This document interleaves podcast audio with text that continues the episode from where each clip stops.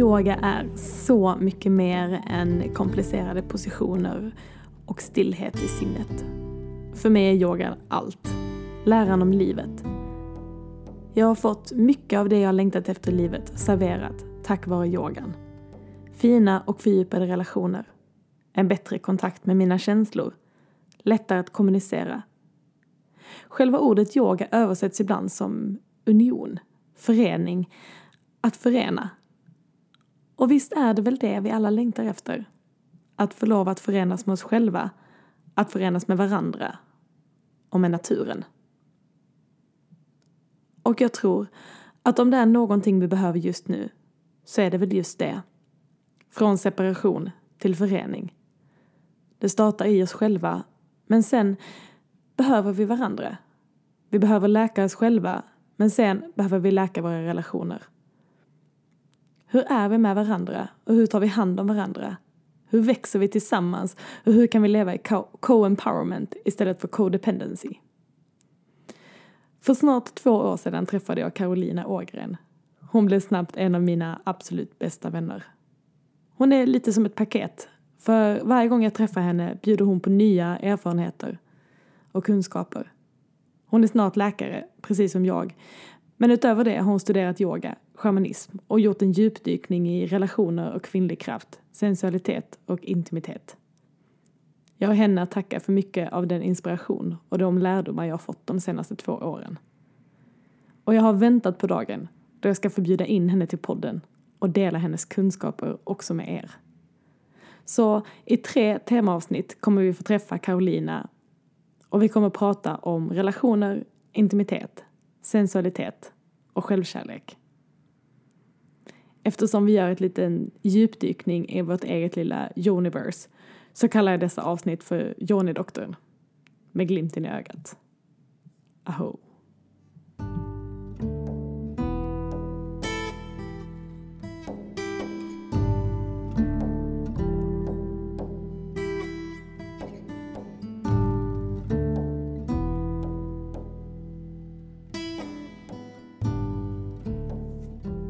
Nu är det dags för ett nytt avsnitt.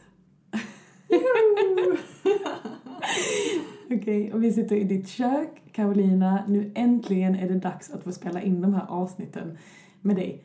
Det känns som att jag har sparat det finaste paketet efter julafton.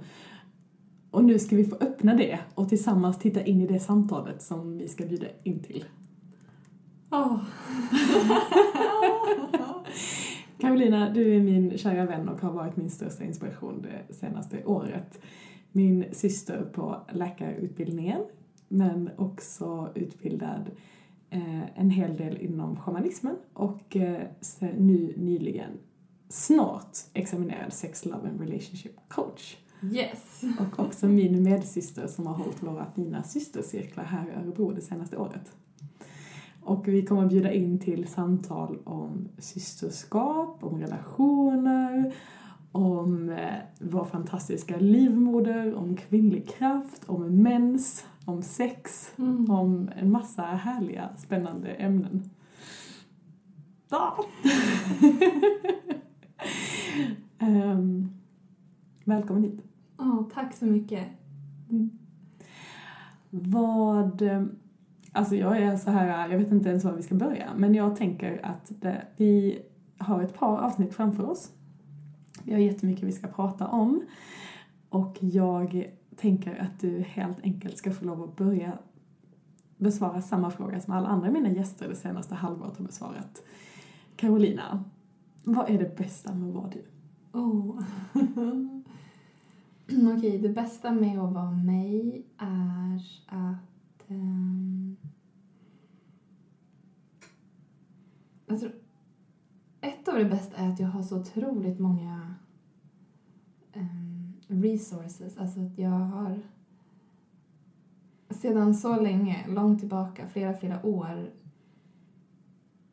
liksom sökt och stadigt gått en väg för liksom personlig utveckling.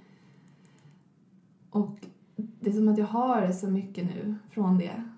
Så att jag känner hur jag kan möta livet på, på ett så bra sätt. fungerande sätt, balanserat sätt.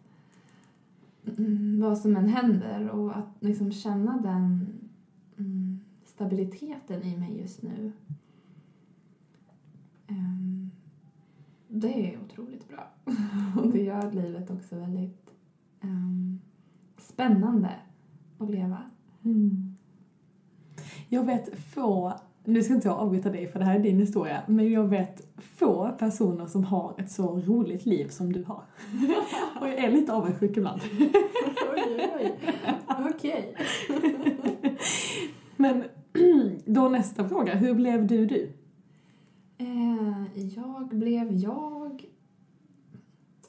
Alltså jag tror faktiskt att under hela min uppväxt, liksom när man gick i grundskolan och gymnasiet och så här, har jag nog alltid varit lite sökande efter något annat eller inte riktigt förstått mig på vad mina kompisar var intresserade av eller liksom... Um, ja, det, det var liksom, jag, jag ville någon annanstans hela tiden. Jag, jag fattade inte riktigt vad som var kul. och så... Och sen när jag slutade skolan, när man tog studenten, så var det ganska fort att jag liksom visste att jag, men jag ville ha en andlig väg. Jag ville liksom lära mig om liksom sinnet och potentialen i att vara människa. Eh, och, och, och det, det sökandet och det drivet som jag, liksom, om jag tittar tillbaka nu ser har nästan alltid funnits där i mig. Det är bara att det liksom formades mycket, mycket mer när jag, när jag inte gick i skolan längre.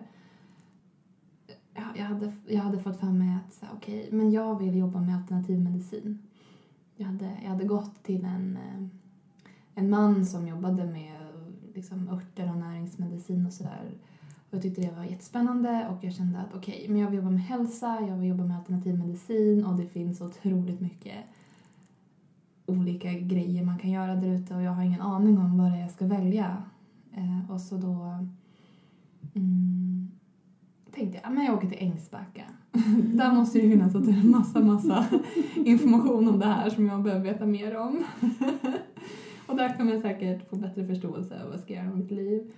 Um, och eh, ja, jag åkte dit. Jag kan väl inte direkt säga att jag förstod mig på så mycket mer om vad jag skulle göra i alternativ medicinväg. Jag, eh, med facit i hand så blev det ju läkarprogrammet istället. Men, ehm, men det, var, det var liksom starten på att... Alltså Ängsbacka är ju väldigt mycket att man har sharings tillsammans, man eh, liksom kanske ligger och myser utan att, utan att det liksom händer någonting. Och mm. att, att, att få komma till en sån kontext där man var så nära och, och fick liksom prata och, och, och, och, bara få uttrycka sig själv. Det var så, men så helande för mitt hjärta. Mm. Jag minns hur jag var all, liksom helt skräckslagen över att så här, men, men, men nej, jag, jag, kan inte, jag kan inte dela eller känna så här eller få behållen av andra i den här processen. och, eh, ja, jag minns, jag minns liksom den första tiden som det i ett... Liksom att komma till Ängsbacka handlade väldigt mycket för mig om att få få möta mig själv i, i min liksom känslomässiga mm. process. Jag sitter här och får gåshud så jag känner hur, huden på låren bara så reser sig och bara pirrar. Mm. För att jag, jag är så tacksam för Ängsbacka och påminns om Ängsbacka nu när du pratar om det och hur tacksam jag också är. Vi träffades aldrig där, men jag vet att du var där eh, tidigt och jag har också varit där flera gånger. Och vilket en fantastiskt ställe det är att växa på som människa. Mm. Och vilket fantastiskt ställe det är att få lov att landa på och komma tillbaka till hur enkelt det är att vara människa och hur fint det är att vara människa om vi bara får lov att hedra de liksom, mänskliga kvaliteterna och behoven som vi har. Ja, så jag ville bara säga en aho på det och eh, ja, bara lyfta upp Ängsbacka lite till här. mm. Ja, Carolina, vad hände efter Ängsbacka? Ja, men efter Ängsbacka... Det var på Ängsbacka som jag fick kontakt med den schamanska väg som jag har studerat nu sedan dess. Det är snart åtta år sedan nu, vilket är imponerande. Eh, så efter Ängsbacka det var liksom ett år där efter Ängsbacka som jag fortsatte att söka. Jag hade, haft lite kontakt med den här schamanska vägen och åkte till ett yoga-ashram. Jag var där i flera månader och jag, liksom, jag visste ju att jag skulle ha en, en andlig väg. Jag ville liksom dedikera mig till någonting. Jag ville... Det liksom räckte inte att hoppa runt mellan olika workshops och sådär utan jag ville ha en, en, en, en tradition som, Mm. som kunde ta mig hela vägen. Så det tog eh, kanske ett år ungefär tills jag bestämde mig för att nej men okej, jag vill hålla på med den här schamanska vägen. Jag vill... Um, okej, I'm all in. Alltså, det var verkligen så här, ett väldigt tidigt beslut och väldigt 100 procent och så har det varit så sen dess. Mm. Så sen dess har det varit årsprogram och eh, liksom, eh, resor och så mycket utveckling där. Ehm, och så hoppade jag på läkarprogrammet mitt i alltihopa och så, liksom en navigering av den, den andliga vägen in i livet. Mm. Ehm, och sen på senare år har jag blivit väldigt intresserad av sexualitet, sensualitet, Mm. relationer, Mm. kärlek och- också liksom kvinnlighet egentligen. Ehm, så... Ja, det, det, den delen började kanske för ja, några år sedan bara med Mm. att jag började studera JBIG-kurser och sådana Mm. saker och så kan man säga att det kulminerade nu i att jag känner hur jag ja, kommer jobba som coach och kommer jobba med kvinnlig sexualitet och sexualitet generellt Mm. och gått utbildning i det och liksom eh, Starta upp det. Det är det här, jag sitter och skrattar för mig själv igen för att det, det är det här jag känner att du är lite grann som ett så här paket. Nej.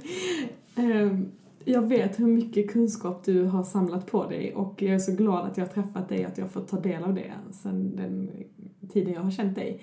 Att det har liksom kommit små, små delar hela tiden av den här enorma kunskapen som du faktiskt har samlat under de senaste åren och legat och ruvat på och ruvat på och låtit bli mer och låtit bli större.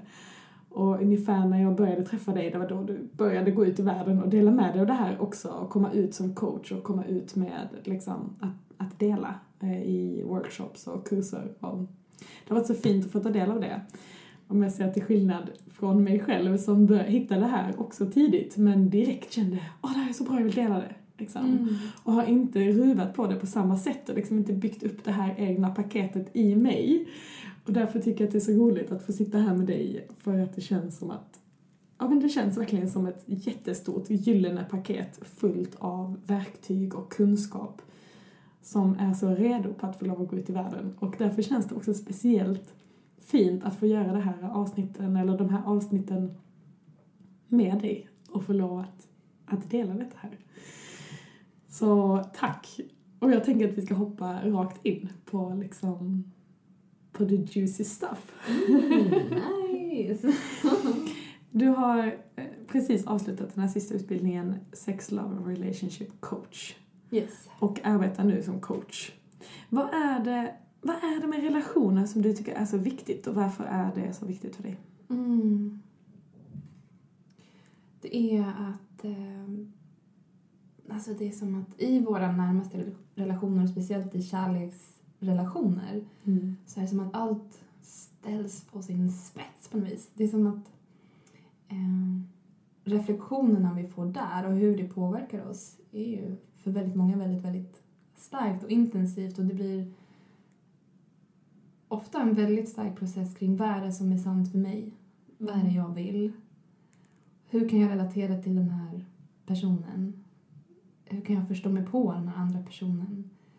Um, jag tycker det är fascinerande att um, hur även om det är att vi relaterar till en annan så handlar det om vår relation till oss själva såklart. Mm. Och hur vi kan...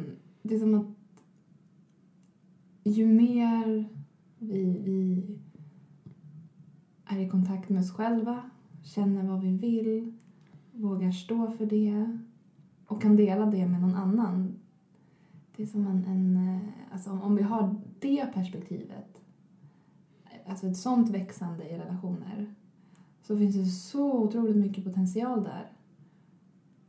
Och det är också där som, alltså man, eh, om jag inkluderar mig själv också i det, att det är också där som vi liksom tappar oss själva lättast. Mm. Ehm, så att, att liksom intressera sig av vad är det som händer i mig i en relation. Mm.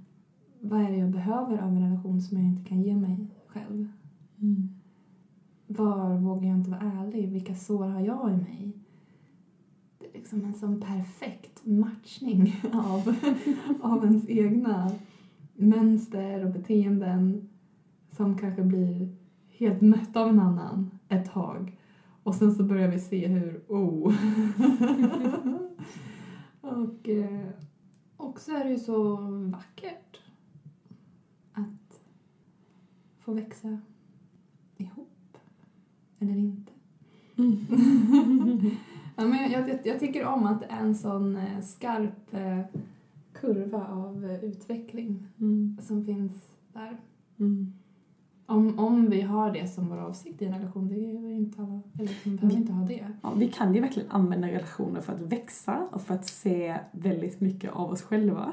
Men vi kan också använda relationer till att döva oss själva och gömma oss själva och inte växa, tänker jag. Mm, ja. Alltså det är ju, speciellt i början är det ju som att det, allt blir härligt om man är kär och om man eh, liksom har en boost av härliga hormoner liksom, som cirkulerar runt och gör att man känner sig kanske hel eller hållen eller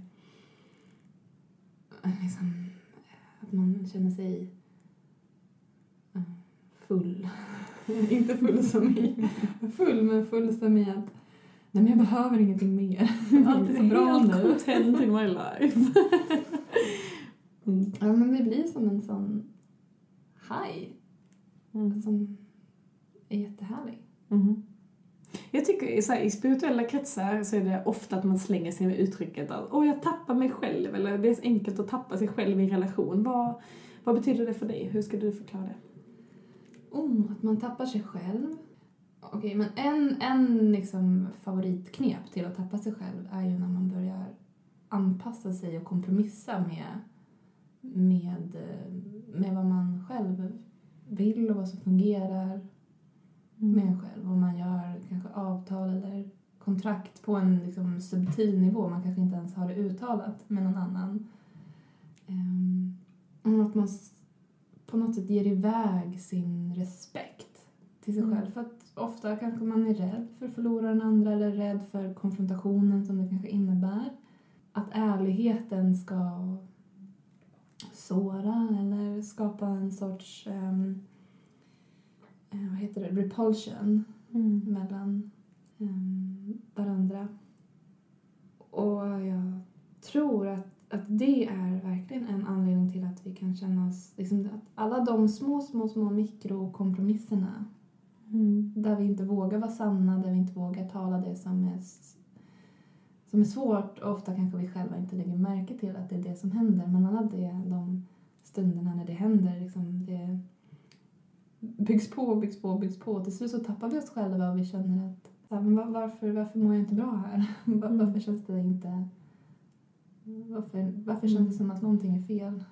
Och helt plötsligt står man där på andra sidan och vet inte ens vilken mat man tycker om eller vilka kläder man tycker om att ha på sig eller vad man drömmer om att göra nästa år eller vart man är på väg eller vad man ska. Ja, och det är så spännande att se hur, hur fort mönster sätts på plats. Mm. Och hur, eh,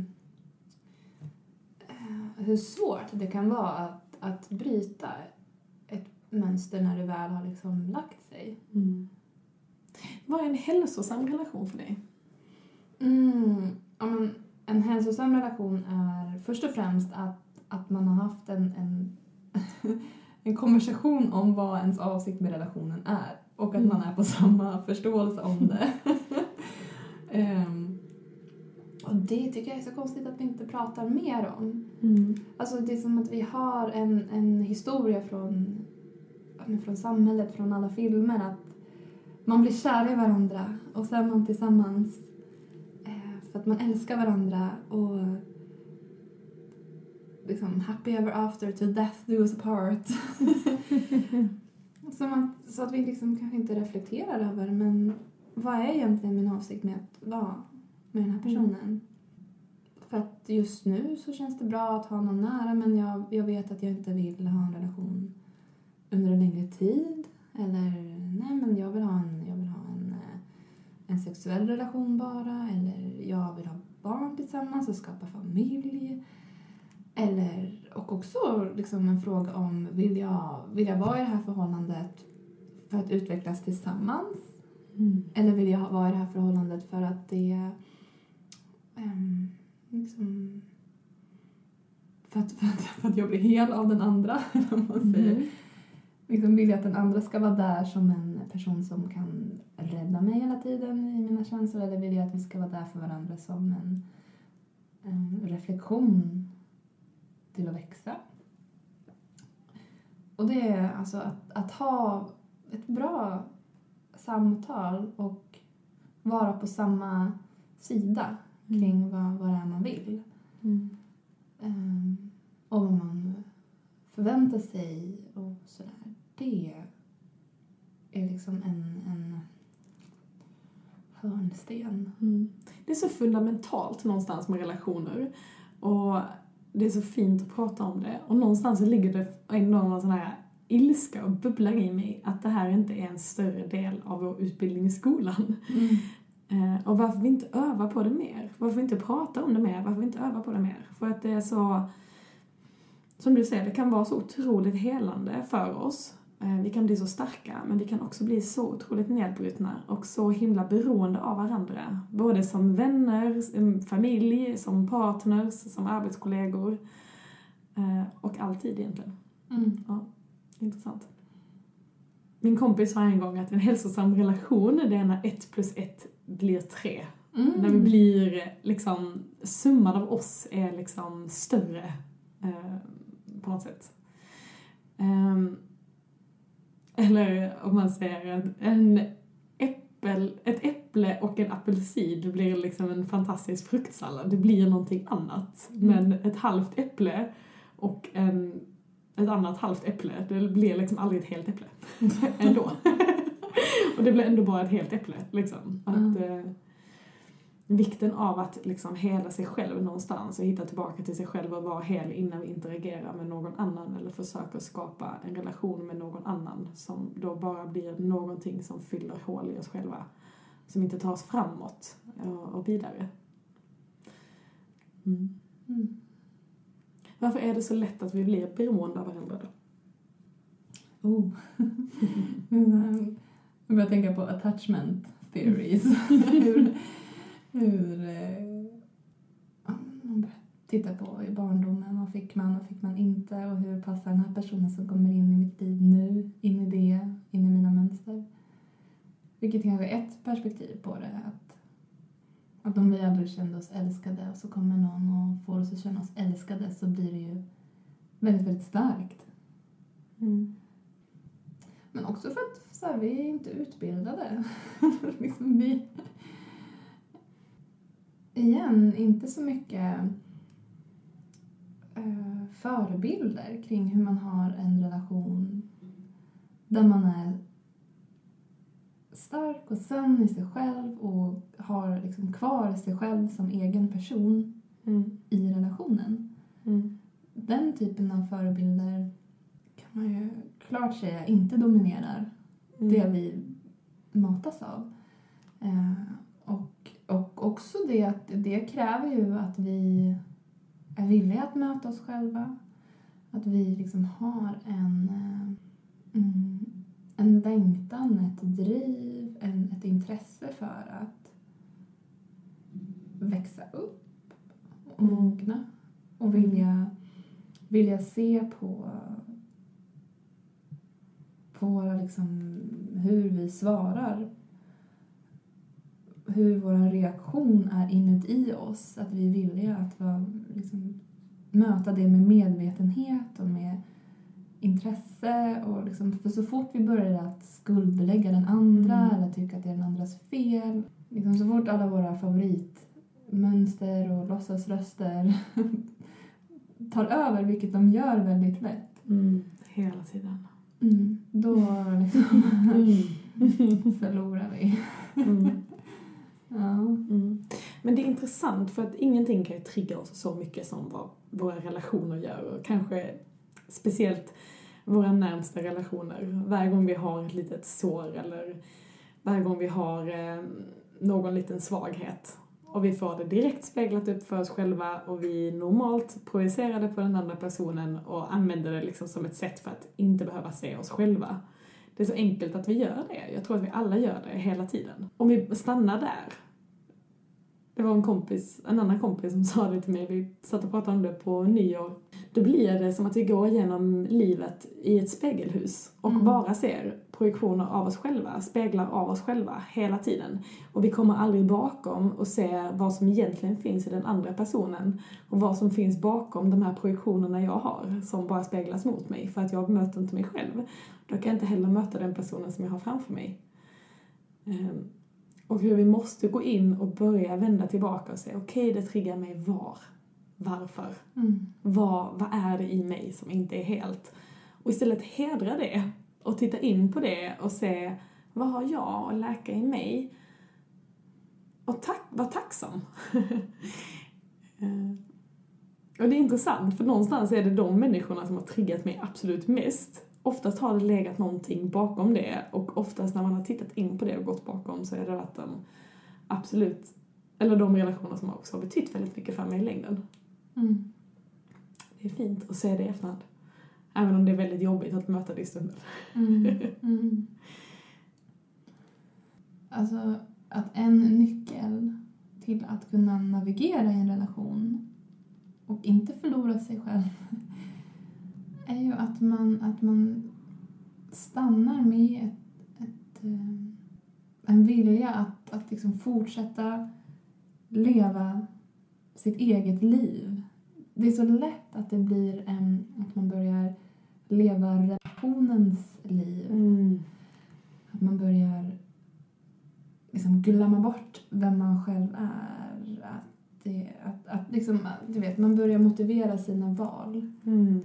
Utifrån vad som känns kanske mysigt och bra för relationen. Att Mm. man, det är liksom lätt att sluta drömma sin egen dröm, sitt eget liv. Att, att man slutar prioritera sin, eh, att gå träna på torsdagar eller vad det nu är man gör. Att man, Mm. Alltså att, att fortsätta ha kontakt med sig själv, Mm. med sin passion och lust som är utanför relationen är ju Mm. jätte, jätteviktigt för att relationen ska fortsätta må bra. Mm.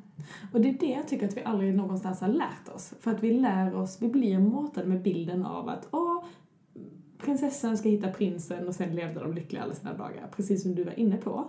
Att vi hela tiden letar efter det utanför oss själva. För jag tror att vi alla har en längtan inuti efter frid, helhet, ro, lugn. Och vi tror på riktigt att det är någonting utifrån som ska göra det. Och vi lever hela tiden med det här utifrån perspektivet och vi, vi letar saker omkring oss. Om det inte är en relation så är det i någonting annat. Det är i karriären eller det är i huset eller det är sakerna jag äger eller pengarna jag har på banken. Men att vi, vi glömmer bort eh, att gå tillbaka in och vi glömmer bort att någonstans i oss finns den där lusten och den där passionen och det som fyller oss inifrån. Mm. Eh, och hur gör vi för att komma tillbaka till det? Mm. Mm. Och det som kom till mig nu var att det blir ju som en väldigt, väldigt känslomässigt starkt relaterande i en relation. Och om man ser på känslor som, som du vet, känslor kommer och går. Det är, man, man är glad, man är ledsen, man är arg. Det är liksom en konstant flöde av olika känslor.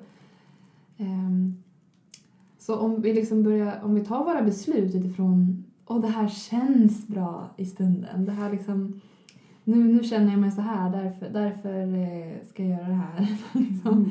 det, det är ett sätt att leva som kanske skapar ganska mycket kaos.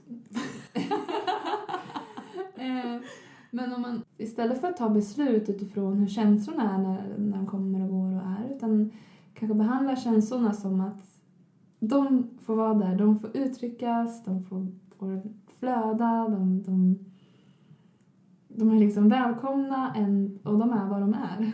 De är ett uttryck som är, som är vackert och ska få vara här som en del av att vara människa. Men, men det finns en, en annat, ett annan plats i oss att, att rikta oss själva ifrån, att ta beslut ifrån. Den är liksom förankrad med sanning, den är förankrad med att liksom ett inre vetande, ett inre lugn och också en, en lust, en gnista. En plats som um, på ett sätt inte går att ifrågasätta. För om den är, om den är sann för oss så är det sant. Det är liksom den, den rösten i oss som säger Nej, jag ska inte bli advokat. jag ska... Jag har en passion för att bli yogalärare. liksom. mm. Den inre, liksom en, en, en, en, en calling. Mm. Something, liksom en, en, en annan dimension av mm. varför vi gör de val vi gör. Om man tittar på i en relation så är det ju så himla lätt att, att vara känslostyrd hela tiden. Men, men om man vill liksom styra sig själv eller rikta sig själv från en plats som faktiskt kommer leda till en lösning eller till, en, eh, till något som skapar mera harmoni, mer klarhet så behöver man komma till den platsen där det är liksom en tyst vetande som också har en, en riktning och passion mm. och expansion i sig. Mm. Resonerar det? Jag resonerar och sitter här för att jag, jag hör alla mina egna citat, så att följa hjärtat, att komma hem, att leva inifrån, allting som jag själv använder om och om, om igen i mina yogaklasser och när jag föreläser, allting jag gör och dit jag själv vill försöka rikta mitt eget liv ifrån. Men förvånas ändå över hur enkelt det är att tappa den riktningen och hur lätt det är att förvillas bort.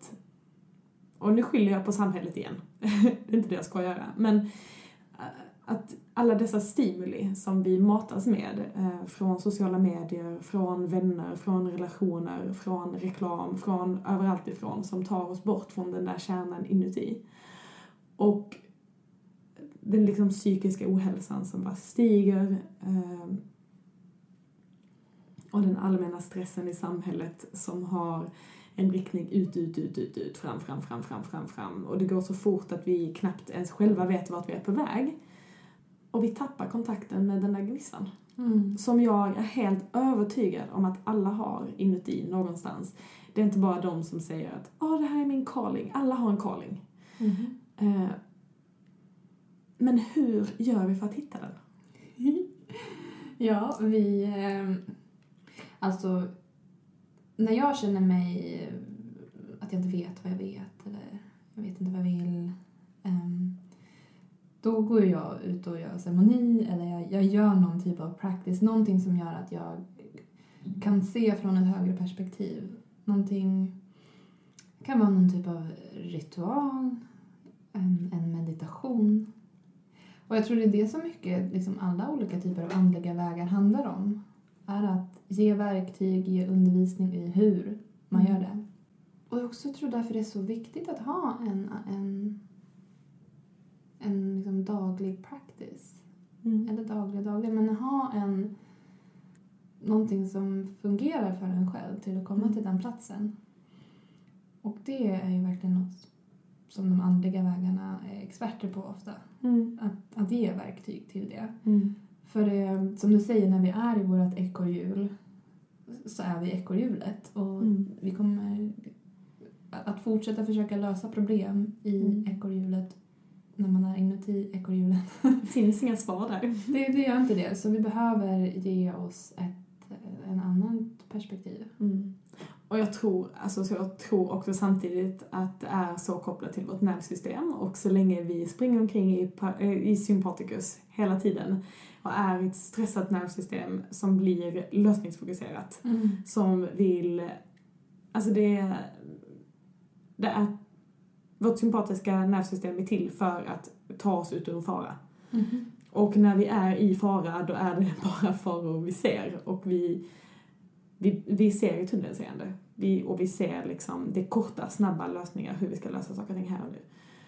Och har vi inte heller förmåga att kunna ta oss till det parasympatiska nervsystemet, där vi faktiskt slappnar av och där vi får en förmåga till också att se saker och ting ur ett högre perspektiv. Då ser vi inte heller högre perspektivet. Mm. Eh, och att ge oss själv tider för just avslappning. Liksom. Mhm. Mm. Precis, verkligen. Och, och jag vill kanske också lägga till att det, det är speciellt om man springer runt i ekorrhjulet och är fast. Så är det som att det kan krävas lite så här, lite, lite jävla anamma. Eller liksom det krävs en, en så här, nej, Mm. nu, nu jäklar ska jag bryta det här. Mm. Det liksom krävs något i oss som säger stopp. Mm. jag, jag ska göra min practice. Eller jag ska meditera nu. För det, det är liksom väldigt, väldigt förförande att stanna i den, det loopandet. Mm. Eh, och... Så det är som att det krävs att man lägger in en extra växel Mm. av att man liksom lägger in energi till att komma till Mm. till ett ställe där, där man kommer. Att få den avslappning, det man behöver. Man, man, man behöver liksom applicera sin vilja för Mm. att komma ut därifrån. And make an effort. Alltså det tar ju energi och kraft av oss att ändra på mönster som vi har. Det går ju oftast på autopiloten. Och det energi tar den enklaste vägen. Och vill man ändra på det så behöver vi faktiskt, som du säger, lägga in en extra växel och faktiskt göra det också mer medvetet. Ja. Men, och sen slår det mig hur kopplat det är också till självkärlek, att faktiskt ge sig själv den tiden, att faktiskt ge sig själv de möjligheterna, att faktiskt sätta sina gränser och säga jag ska ta mig ut på ceremoni, eller jag ska ställa mig på yogamattan, eller jag ska göra den här avslappningen, eller åka iväg på det här retreatet, eller ge mig själv tiden. Som jag tror att vi är överlag generellt dåliga på att ge oss själva. Mhm. Och när det går sådär fort så då går det bara fort liksom. Mm. Och det finns en, någon sorts illusion av att om jag bara gör mer eh, så, så kommer allt bli bra. Eller då kommer det lösa sig. Då kommer jag få gjort allt det jag behöver göra. Om jag bara kan vara mer effektiv. Mm. Om jag bara... Eh, ja. Sen efter sommaren ska jag ta itu med det där. Mm. Eller ja, när jag bara är klar med detta. Precis, och det finns liksom en... Det är som att vi... Det är som, vi gömmer liksom hur vi är lata. lata ur ett perspektiv av att vi inte, inte tar hand om oss själva eller väljer att Mm. förändra ett mönster eller eh, att, att vi... Att, det är som att om, om man ser det egentliga arbetet, det egentliga som är viktigt. Och det är inte alla som har det som prioritet, men, men för mig är det det i alla fall. Att det som är viktigt för mig är att, eh, att vara i balans. Att, att liksom gå mot ljuset. Att, att vara centrerad här och nu och närvarande. Om, jag, om det är liksom det, det verkliga arbetet så, så är det som att jag, jag kan jag kan gömma det eller hålla mig borta från det genom att vara upptagen med annat. Det, det blir som en, en, en underhållning med allt det där andra som bara snurrar på. Mm. Från att faktiskt stanna upp och göra det som faktiskt... Det, Mm. att den typen av lathet, om vi kallar den för det, ja, gör, det är liksom att man, man cover up lazy genom att vara busy. Och vi fortsätter att lura oss själva. Men varför är det så lätt att prokrastinera på sånt här? Mm. Men jag tror också som du pratar om vårt nervsystem och sådär, om man tittar på hur, hur liksom, de delarna av oss som är de som, som hela tiden är på spänn av att allt är okej, jag, är, jag är trygg, jag är beskyddad, liksom, jag kommer inte dö här. Ehm, när, vi, när vi börjar vilja göra någonting nytt eller ändra på ett mönster då är det som att alla, alla, alla går liksom igång och tycker nej men vi vet inte om det här är säkert. Vi, vi kanske dör om vi gör så här istället eller då kanske någon tycker jätteilla om oss. Mm. Liksom på, en, på en omedveten nivå när vi, det är lite obehagligt att ändra mönster. Mm. För att det är som att nervsystemet inte är van vid det och det vet inte att det är säkert och okej. Gå ut ur sin comfort zone. Aha, precis, precis. Och, och det kan man ju möta liksom med, med välvillighet och okej, det är lite obekvämt här nu. Men vi har valt det, Mm. det är okej. Mm. Ehm, Men visst är det så att, mm, att det, det känns obehagligt. Och därför är det lättare att prokrastinera och stanna i mönster. Så vad är ditt bästa tips för att göra en relation hälsosam? Okej, nummer ett som vi pratade om förut. Prata med varandra om, om vad ni vill med den här relationen, vad som är sant för er. Var sanna mot er själva först, innan ni har kontakt med andra. Och liksom tumma inte på det. Mm. Om det inte funkar så funkar det inte. Det kommer... Ja, Och, ja, det är lite hårt, jag vet. och göra ett kontrakt tydligt kanske. Hur gör man det? Eh, ja, då gör man så här att man... Eh, mm, ja, men det första steget är att bli klar i sig själv över vad man vill. Och det är Mm. faktiskt inte så självklart att man vet det. Men ett lätt sätt att göra det är kanske att gå ut på en promenad och sätta sig i naturen och ställa sig själv frågor om vad är det jag vill ha från en partner? Vad är viktigt för mig i en relation just nu? Eh, Och kanske gå igenom vad är liksom känslomässigt viktigt? Vad är viktigt för mig i min karriär? Vad är viktigt för mig för min hälsa? Vad är viktigt för mig för min utveckling? Och också jätte, jätteviktigt, vad är viktigt för mig i min sexualitet? Vill jag ha ett monogamt förhållande? Vill jag inte det? Liksom, vad, vad är sant? Mm. ställa sig själv sådana frågor och också kanske mm, hur, hur lång tid vill jag ha en relation? Vill jag ha någonting som är eh, kortvarigt, långvarigt? ja, sådär. Så det är liksom att ta tid för sig själv för att kontemplera det. Mm. Och får jag sticka in en sak? Våga kommunicera. Oh ja! Jag tycker att vi är så rädda alltid för att sätta ord på saker och ting. Och det är så enkelt, ofta så slår det mig, hur vi går till våra vänner och säger bara Åh, jag vet inte hur jag ska säga det här och det här och det här och det här och det här. Mm. Och sen så fångar man sig själv bara, jag kanske bara ska säga exakt det. Mhm. Mhm. Och oftast blir det väldigt bra. Oftast Mm. landar det väldigt bra när man liksom bara vågar öppna munnen och benämna det som först känns obehagligt. Och oftast är det så mycket skönare när de korten faktiskt ligger på bordet. Och det är så Mm. mycket skönare att benämna det som finns i spacet Mm. och sluta liksom cirklar och göra avslut med saker och ting och men på riktigt våga börja prata med varandra. Oh ja. På något sätt så är det genom att vi är ärliga så, så är det som att vi bypass alla de här sociala spelen och så vidare. Vi liksom kommer till poängen. Mm. Och det är ju faktiskt, som du säger, kanske inte det som är vanligt och normen och vi kanske inte vet hur man gör. Mm. Eh, slår det mig nu faktiskt att det är så. Eh, men ehm, ja, hur vågar man börja prata på det sättet? Och det kommer ju vara som att man liksom blir liksom på riktigt Mm. och blir väldigt ärlig och Mm. blir på något sätt är det ganska utlämnande Mm. eh, och läskigt för då helt plötsligt blir man ju mött på riktigt. Mm. Eller det finns en chans till det i alla fall där. Eh, Och det är sårbart. det är sårbart. Man kan börja med att skapa en WhatsApp-grupp med sina allra närmaste tjejkompisar.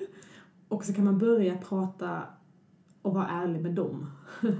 Där man känner sig väldigt trygg och eh, Det har i alla fall hjälpt mig jättemycket. Mm. Mm. Ja men visst, det här kan man ju verkligen liksom applicera på allting. Mm. Det behöver inte bara vara i relationer man eh, behöver få klarhet över vad som är sant och ärligt. Ehm, men man kan ju säga man, ehm, så här att ja, alltså, i grund och botten så måste man ju bara börja prata. Mm. Men man kan ju säga som du sa att kan berätta så här, ja men jag har funderat över vad som är sant för mig just nu. Ehm, så skulle jag höra vad, vad du känner och tycker och vad som är sant för dig. Så här och så här. Mm. Ehm, skulle jag vilja ha det... Jag är på den här platsen just nu i mitt liv. Det här är viktigt för mig. Det här kommer inte fungera, känner jag. Mm, om vi gör så eller så. Mm. Ja. Jag önskar det här och jag känner det här. det kan vara en bra start. Ja, precis. Och ibland vet vi inte vad vi vill och ibland vet vi inte vad vi känner och det är ju också helt okej att uttrycka det. Ja. Och man kan börja med att säga att så här, det här känns... ehm, det är lite ovant för mig att vara tydlig med vad jag vill och veta vad jag vill. Men är det okej om vi prövar? För jag känner att det skulle vara så skönt att kunna, kunna ta, prata ärligt Mm. om det. Är det okej med dig? Mm. Communication. Ja, precis. Mm. Det, är så, det är så enkelt men ändå så himla svårt. Ja. Nummer två.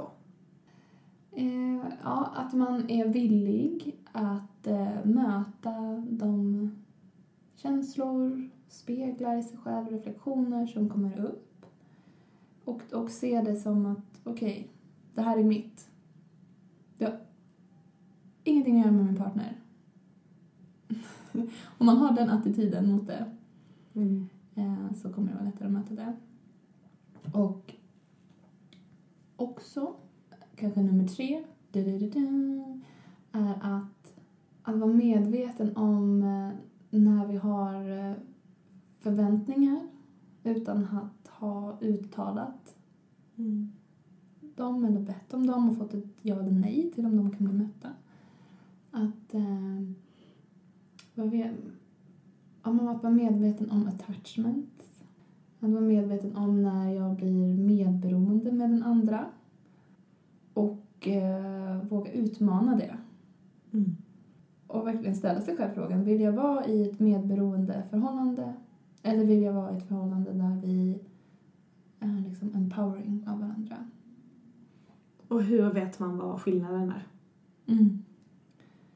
Ja, om, om man märker att man förlorar energi i sitt förhållande, att man eh, känner sig som en offer eller tycker att den andra är som ett offer eller om man börjar ha en, liksom, att man är dömande mot den andra, att man eh, eh, vill rädda den andra eller så.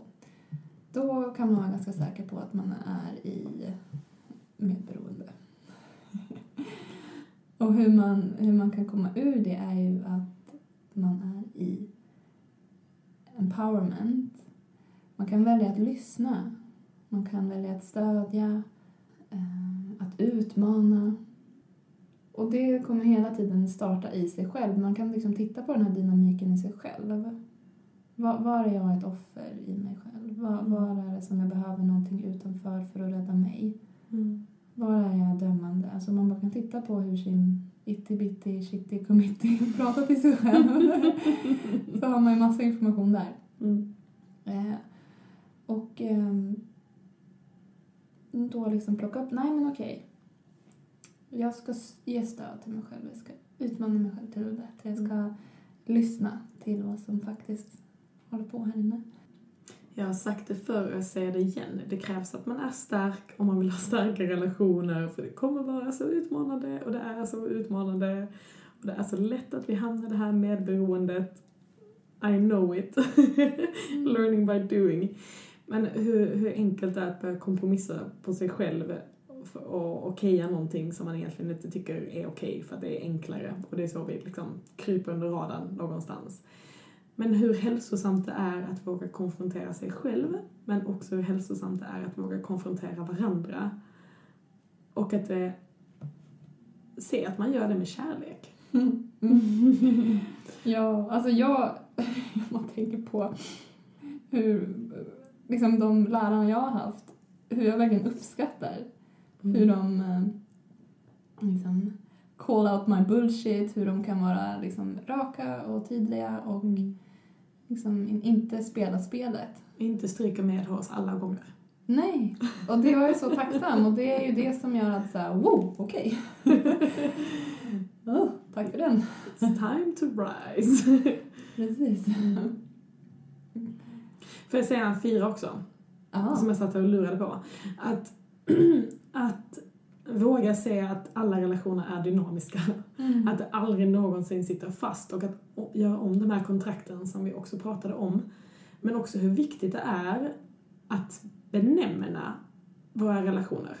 Vad är det för relation vi har, som du sa? Och vad är det vi vill? Och vilka förväntningar har vi på den? Vill vi samma sak? Är vi på väg åt samma håll? Mm. Eh, men att det ändras. Oh ja, och det kan ändras från vecka till vecka eller dag. Det beror lite på vad, vilken typ av förhållande det är. Men, men det som... Alltså det... Det är det liksom gör, gör ont i oss när vi inte är sanna mot oss själva. Och eh, det är ingen som kommer vinna på ett, ett avtal eller kontrakt där vi inte är sanna mot oss själva. Och det förändras. Mm. Så att hålla igång den konversationen, man kanske till och med har som ett kontrakt att ja men eh, vi, vi ska kolla igenom våra kontrakt varje, varje månad eller ha en check-in om vad, vad vi är. Mm. Eller varje gång vi ses, då, då ska vi ha en, en sharing. Mm. Liksom att man kan lägga in sånt som stöder Mm. eh, processen av, av, av mognad, av växande. Mm. av att kunna mötas på den nivån. För det är som att vi, det, det är mycket, mycket lättare att mötas om vi, om vi skapar en, en, ett rum och tid för det. Om vi säger, nej men okej, nu, nu är vi runt här och grejer och håller på, men ska vi sätta oss ner, meditera i fem minuter och sen dela med varandra. Bara det kommer ju att skifta Mm. relaterandet. Mm. Det är en väldigt bra ingrediens. Mm. Jag vet, jag läste i en, eh, en tidning en gång, en annan vän som heter Lisa som kommer att vara med i podden senare under våren också. Men en intervju med henne i en tidning där hon hade citatet Jag vill mötas på djupet, annars är det inte intressant. Eller det var någonting i den stilen. Och jag läste det citatet och jag märkte hur jag ryckade till och blev lite skrämd först.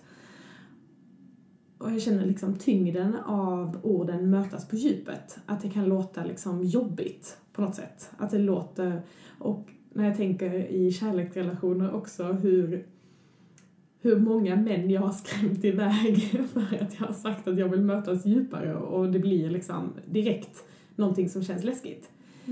När det egentligen är så självklart när vi möts där. För när vi möts där så går vi någonstans bakom de här tankarna och idéerna. Och på djupet har vi inget drama. På djupet bara är vi. Mm. Och det, det är egentligen där det är enkelt att mötas. Allting annat skapar förvirring och yta och dramatik och det är det som är jobbigt. Mhm. Och kan vi ta oss igenom det eh, så tror jag att vi också kan möta varandra med mycket större lätthet. Och enkelhet och en okomplicitet på något Mm. sätt. Så eloge till det där citatet. Mm. Och eh, det jag hör också, eh, att, att när du säger jag, jag vet att vi ska mötas på djupet och så blir de rädda och springer iväg. eh, eh, alltså, om man, om man, alltså, man kan ju skapa att man möts på djupet, eller liksom att, att prata om att men jag längtar efter att mötas på djupet. Och, och nu, nu vill jag mötas på djupet igen. Kan, jag skulle vilja möta dig på djupet. Alltså, man, man behöver liksom inte prata om att mötas på djupet. Man kan, man, kan, man kan skapa den container som kommer facilitera det. Mm. Och att själv vilja vara den Eller att liksom ta ansvaret för att okej, men det är jag som kommer make that happen. Det är Mm. jag som kommer ta oss till djupet nu. Mm. Jag kommer vägleda dig dit, för jag kommer gå dit själv. Mm. Jag kommer säga i mig själv nej till ett, om vi kallar det för ytligt relaterande, och jag kommer gå djupt nu. Då är det som att vi shortcut Mm. och hamnar där. Mm. Så det är också en, liksom en, ett sätt att göra det på. Mm. För jag tror att vi, alltså både män och kvinnor, eh, har en längtan om att faktiskt mötas där och komma dit fast vi kanske uttrycker det på olika sätt. Jag vet inte hur många tjejkompisar jag har haft som har, eh, när deras förhållande har krackelerat på grund av att jag vill mötas på ett djupare plan. Eh, och eh, vi har bara olika sätt att, att eh, benämna det på. Mm. Men samma längtan som finns i oss alla. Mm. Och det är liksom tillbaka igen, alltså när vi är i våra förhållanden och vi har våra mönster som är igång. Mm. Jag minns att jag tyckte det var så svårt att bryta det och kunna mötas på djupet till exempel. Mm. Eh, det var så svårt att... Det var svårt för mig själv att kunna skapa det spacet som behövdes för att vi skulle kunna mötas på djupet. Så jag liksom, du vet, letade efter kurser som kunde guida oss till det eller så här. Och jag märker att det var verkligen ett, en process i mig till att kunna vara den som själv skapade det. Mm. Eh, så det kan man ju recognize. Jag tror också därför det är så hjälpsamt för många att åka på workshops där, där det är en workshop som håller det spacet för oss till Mm. att mötas på djupet. Mm. Eh, så, så det kan ju liksom vara en väg till att komma dit. Eh, men det går ju verkligen att, Mm. att skapa det själv. Och, Ja. och det Ja. kommer från en jag tror liksom en självrespekt och självvärde och en liksom nej, nu, I, I got the crap now, jag vågar gå hit. Mm. För det är vi någonstans som make it count. Ja. Det är ju vi själva som bestämmer Mm. hur värdefullt det är för oss. Mm. Mm. Make it count är, var det en eh, lärare som sa under nyårsfestivalen och det resonerade väldigt djupt med mig och efter det så märker jag att jag säger det till mig själv hela tiden att make it count för vi Mm. har, vi har det här eh, livet och vi har den här tiden som är ganska dyrbar och vi väljer själva om vi vill leva på ytan och springa kvar i de här mönstren eller om vi vill make it count och också hur mycket vi vill hedra våra relationer. Mm. Ehm, och hur mycket vi vill make våra relationer count. Ehm, och var vi vill mötas någonstans och var vi vill ta det. Mm. Make it count. Ja. Det landar väldigt bra. Aha. Mm. Ja. Någonstans fanns det en, så här, en ledsamhet i mig i det. För jag tittar på alla, alla relationer och alla stunder och alla möjligheter jag har fått när, när jag verkligen hade kunnat make it count men jag slarvade bort det för att jag inte hade redskapen eller att jag inte hade modet att på riktigt make it count. Men eh, så vill jag inte ha det längre. Mhm. Mm. Mm. Det är fint. Yes. Make it count. Make it count. Caroline, jag tänker att vi ska runda av. Ehm, och jag tänker som vanligt eh, överlåta de sista minuterna till dig för att dela en övning som eller där vi på något sätt kan integrera det vi precis har pratat om. Mm. To make it count. Ja, precis. Bra. Mm. Ska vi köra? Mm. Mm, okej. Så det kommer vara en liten meditation. Så kan sätta dig bekvämt. Bara börja med att känna andetaget i kroppen. Mm.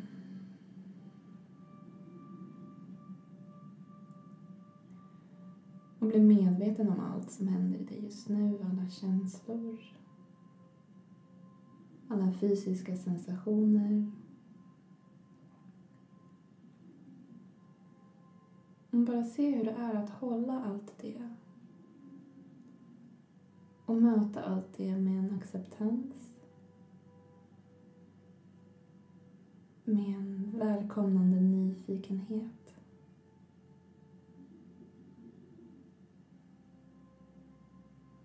Med ett ja.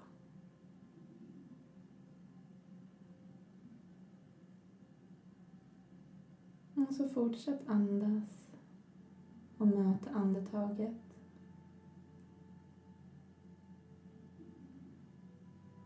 In djupt ner i magen.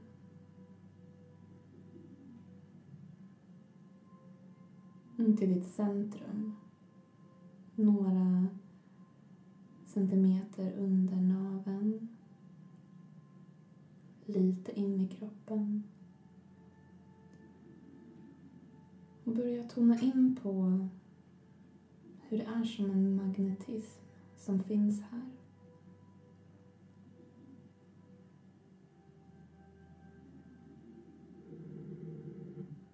Det är som en magnet som alltid finns i dig, som drar dig mot centrering.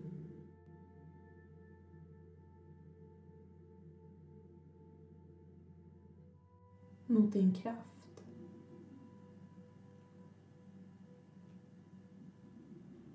Bara tillåt den att, att naturligt hända.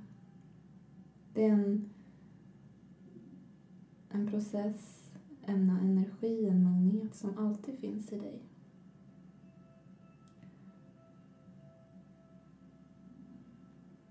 Det är bara att låta den hända.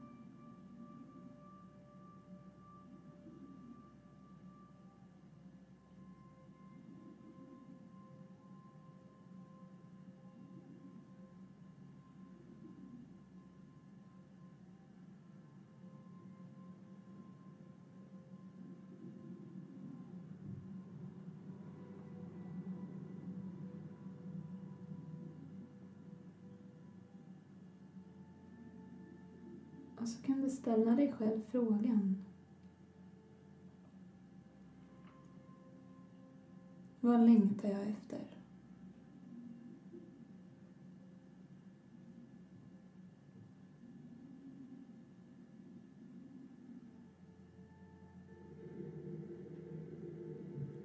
Och se vad som kommer.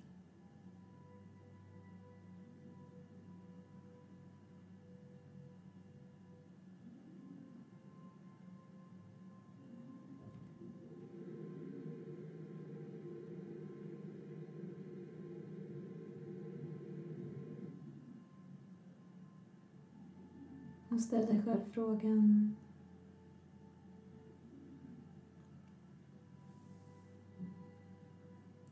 Hur kan jag vara ännu mer ärlig?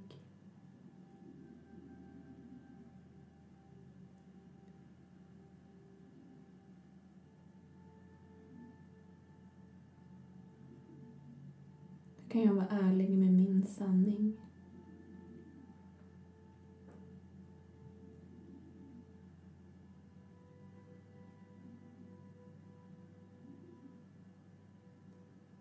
Vad är det som kan stödja mig?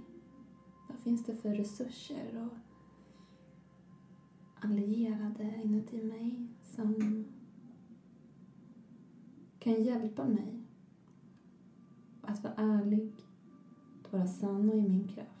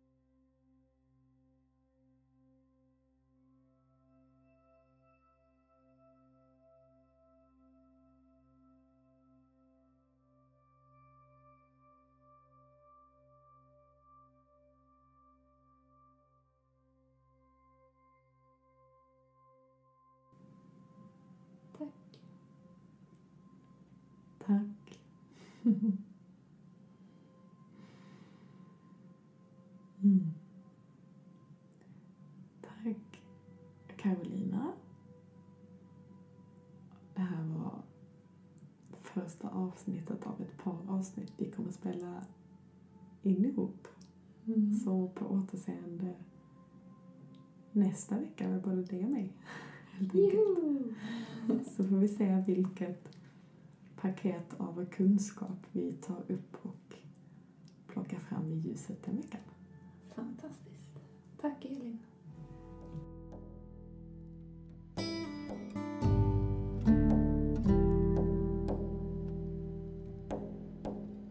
Jag tror inte det finns någonting viktigare just nu än att arbeta på våra relationer. Hur vi talar, relaterar och hur vi är med varandra. Hur vi är stöttande, peppande och engagerade människor som ser varandra, arbetar tillsammans och hjälps åt att finnas tillsammans på den här planeten. Vi behöver arbeta med varandra, inte emot. Mycket föll på plats för mig när jag hamnade på Nordic Women's Gathering första gången sommaren för ett och ett halvt år sedan. Jag visste inte hur mycket sår, men också hur enormt mycket kraft det finns oss kvinnor, tjejer, flickor, systrar emellan. Förrän jag valde att göra en djupdykning rakt in i feminin urkraft. Där mötte jag helt nya sidor av mig själv. Jag fick växa som människa och jag fick framförallt växa i relation till andra. Hur lilla jag och min lilla värld kan bli något helt ofantligt kraftfullt tillsammans med andra. Det var fint. Vi behöver varandra, nu mer än någonsin. Näst efter att jag började med yoga så är det här något av det absolut bästa jag har gjort för mig själv. Och i veckan släpptes biljetterna till nästa Nordic Women Gathering som kommer äga rum i juni på Skeppsudden utanför Stockholm. Jag ska dit. Kanske du också? All info finns på www.nordicwomengathering.com. Och sen vill jag passa på att tacka Yogobi som hjälper mig att göra den här podden ännu bättre. Yogobi är Nordens största onlineplattform för yoga, träning och meditation. Vill du börja yoga men inte ha tid eller möjlighet att ta dig iväg till din studio varje vecka? Då är Yogobi något för dig. För här kan du få yoga med Sveriges och en del av världens bästa yogalärare i ditt eget vardagsrum. Ta med dig yogaläraren vart du vill och träna när du vill, hur mycket du vill. På yogobi.com släpps nya videos, kurser, artiklar, föreläsningar, meditationer och annat inspirerande material varje vecka. Du hittar allt på yogobi.com och du får en hel månad gratis om du uppger yogadoktorn om du registrerar dig som användare. För dig som vårdgivare kan du använda Yogobi om du vill skriva ut yoga som farrecept. All info finns också på yogobi.com om du klickar dig vidare till FAR. Ta hand om dig och tack för att du lyssnar. Tack för att du delar. Och tack för att du tar hand om dig själv och ser till att världen får se den absolut bästa versionen av dig.